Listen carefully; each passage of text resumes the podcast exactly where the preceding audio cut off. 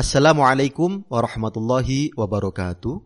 Bismillah, alhamdulillah, wassalatu wassalamu ala rasulillah, wala hawla wala quwata illa billah, amma ba'du. Pendengar Buletin Dakwah Kafah rahimakumullah. Alhamdulillah kembali hadir di tengah-tengah Anda semua. Buletin Dakwah Kafah kali ini edisi 232. 16 Rajab 1443 Hijriah, 18 Februari 2022 Masehi. Kali ini akan mengangkat tema Selamatkan Muslimah India.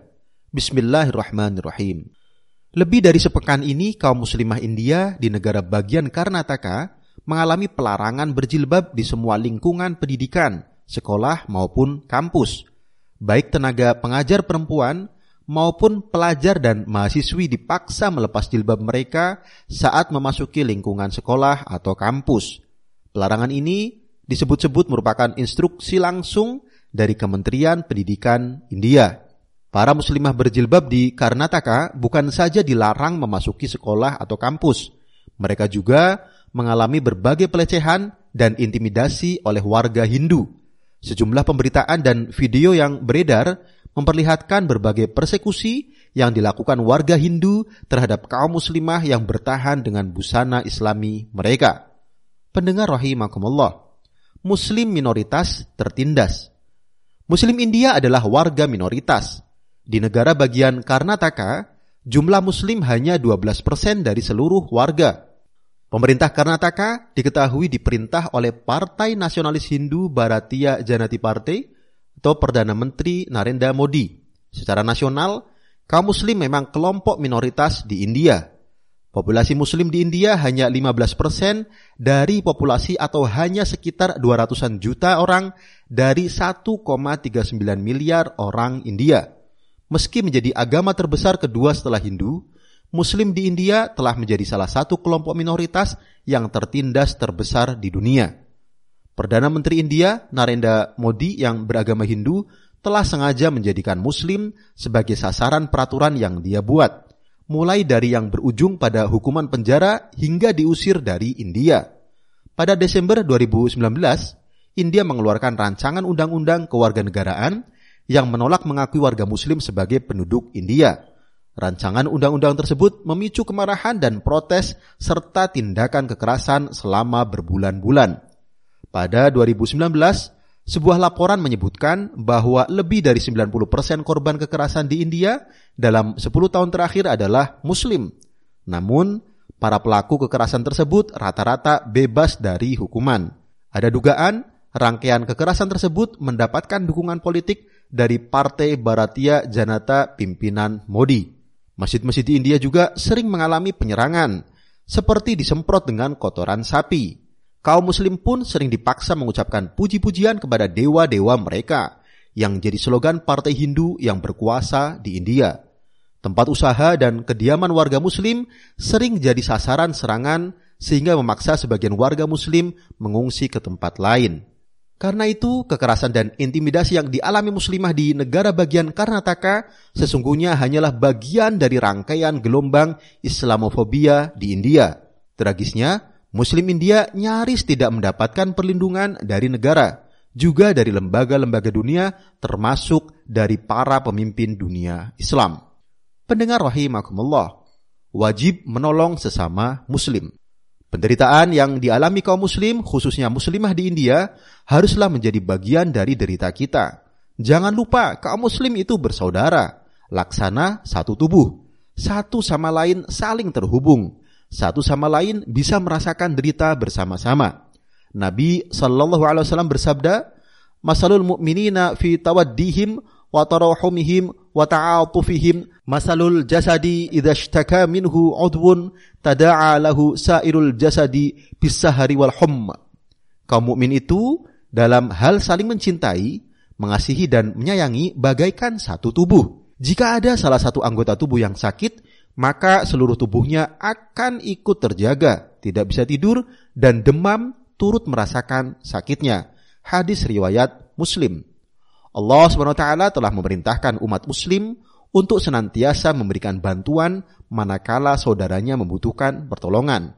Allah SWT berfirman dalam Quran Surah Al-Anfal ayat 72, A'udzu billahi minasyaitonir rajim. Bismillahirrahmanirrahim. Wa inista'sorukum fid dini fa'alaikumun nasr. Jika mereka meminta pertolongan kepada kalian dalam urusan pembelaan agama, maka kalian wajib memberikan pertolongan. Menolong sesama muslim yang dianiaya adalah fardu kifayah. Haram berdiam diri saat melihat saudara seiman terzalimi. Kewajiban ini baru tuntas saat mereka yang terzalimi mendapat perlindungan sempurna. Nabi mengingatkan, tidaklah seorang muslim membiarkan penganiayaan terhadap sesama muslim, melainkan Allah SWT pun akan membiarkan mereka terzalimi pula.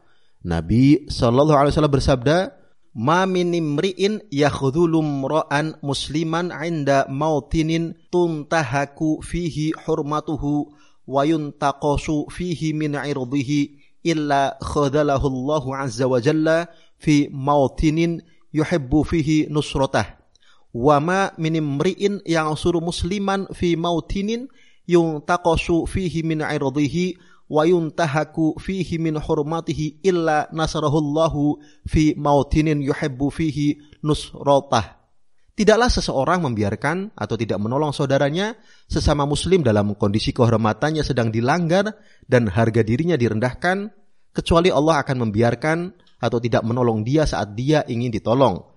Tidaklah seseorang menolong seorang muslim pada saat harga dirinya direndahkan dan kehormatannya dilanggar, kecuali Allah akan menolong dia saat dia ingin ditolong. Hadis riwayat Ahmad.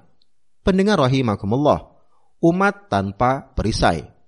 Penghinaan dan penindasan yang dialami kaum muslim India, khususnya para muslimahnya, seharusnya menjadi peringatan keras bagi kaum muslim sedunia bahwa persoalan ini tidak bisa ditangani secara individual, organisasi atau lembaga dunia sekalipun seperti PBB. Kaum muslim sedunia harus memiliki institusi sendiri yang bersifat global dan memiliki kekuatan besar untuk melindungi dan membela kehormatan mereka termasuk kaum muslim atau muslimah India. Institusi global itu tidak lain adalah khilafah Islam.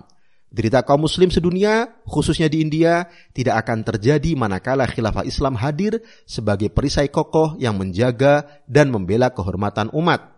Nabi Shallallahu Alaihi Wasallam telah mengingatkan kita betapa urgen keberadaan khalifah atau imam sebagai perisai bagi umat.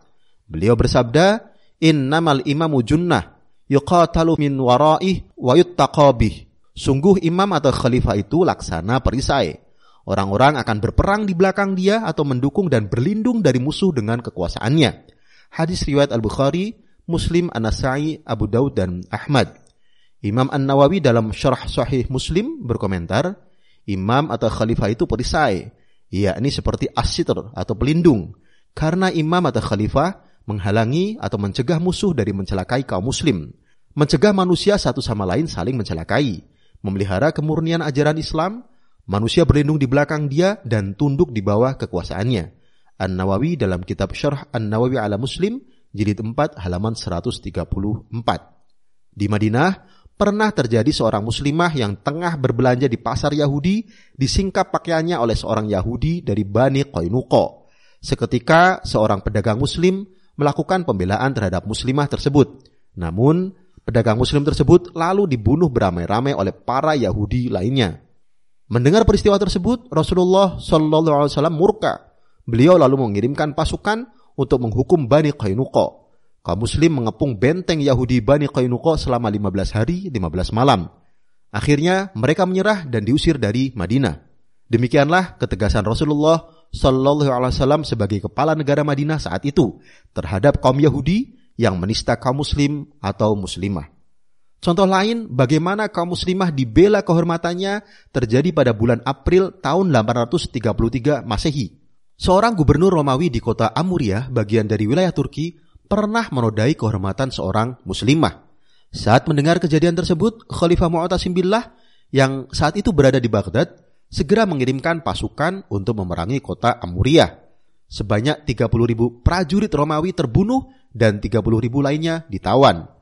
Pembelaan kepada muslimah ini sekaligus dimaksudkan oleh khalifah untuk membebaskan Amuriah dari jajahan Romawi. Demikianlah dengan adanya khilafah sebagai perisai, kehormatan kaum muslim atau muslimah senantiasa terjaga. Khilafah juga akan menciptakan suasana kerukunan umat beragama dengan tetap mempersilahkan umat beragama lain beribadah dan hidup sesuai dengan keyakinan agama mereka. Pendengar rahimakumullah, umat terbelenggu nasionalisme. Selain ketiadaan khilafah Islam, hari ini kaum muslim juga terkerat-kerat oleh batas-batas teritori negara mereka masing-masing. Hati dan pikiran mereka juga terbelenggu oleh paham kebangsaan. Paham ini menjadikan umat dan para pemimpin mereka tidak punya kepedulian dan enggan menolong saudara-saudara mereka yang tertindas. Mereka juga lebih takut dengan aturan internasional soal larangan intervensi terhadap negara lain, padahal saudara mereka seiman terzalimi di sana. Beda dengan negara-negara imperialis seperti Amerika Serikat, Inggris atau Perancis. Mereka bisa leluasa mengintervensi bahkan melakukan invasi militer ke negeri-negeri kaum muslim seperti ke Irak, Afghanistan, dan Suriah. PBB atau badan dunia mana pun tidak mencegah mereka Para penguasa dunia Islam juga tak memprotes atau menahan mereka. Akibatnya, pasukan imperialis barat leluasa menjarah, menangkapi, menyiksa bahkan melakukan pembantaian terhadap penduduknya sesuka mereka. Wahai kaum muslim, sadarlah, tak ada yang bisa menolong saudara-saudara kita, khususnya kaum muslim atau muslimah India, kecuali kita kembali ke pangkuan Islam, kembali melanjutkan kehidupan Islam dalam institusi khilafah. Lalu bersama khilafah Islam, kita bisa membebaskan saudara seiman di mana pun di seluruh dunia. Inilah yang dulu pernah dilakukan oleh kaum muslim saat mereka berada di bawah naungan khilafah. Wallahu alam biswab. Demikian materi buletin dakwah kafah edisi 232. Selamatkan muslimah India. Terima kasih. Assalamualaikum warahmatullahi wabarakatuh.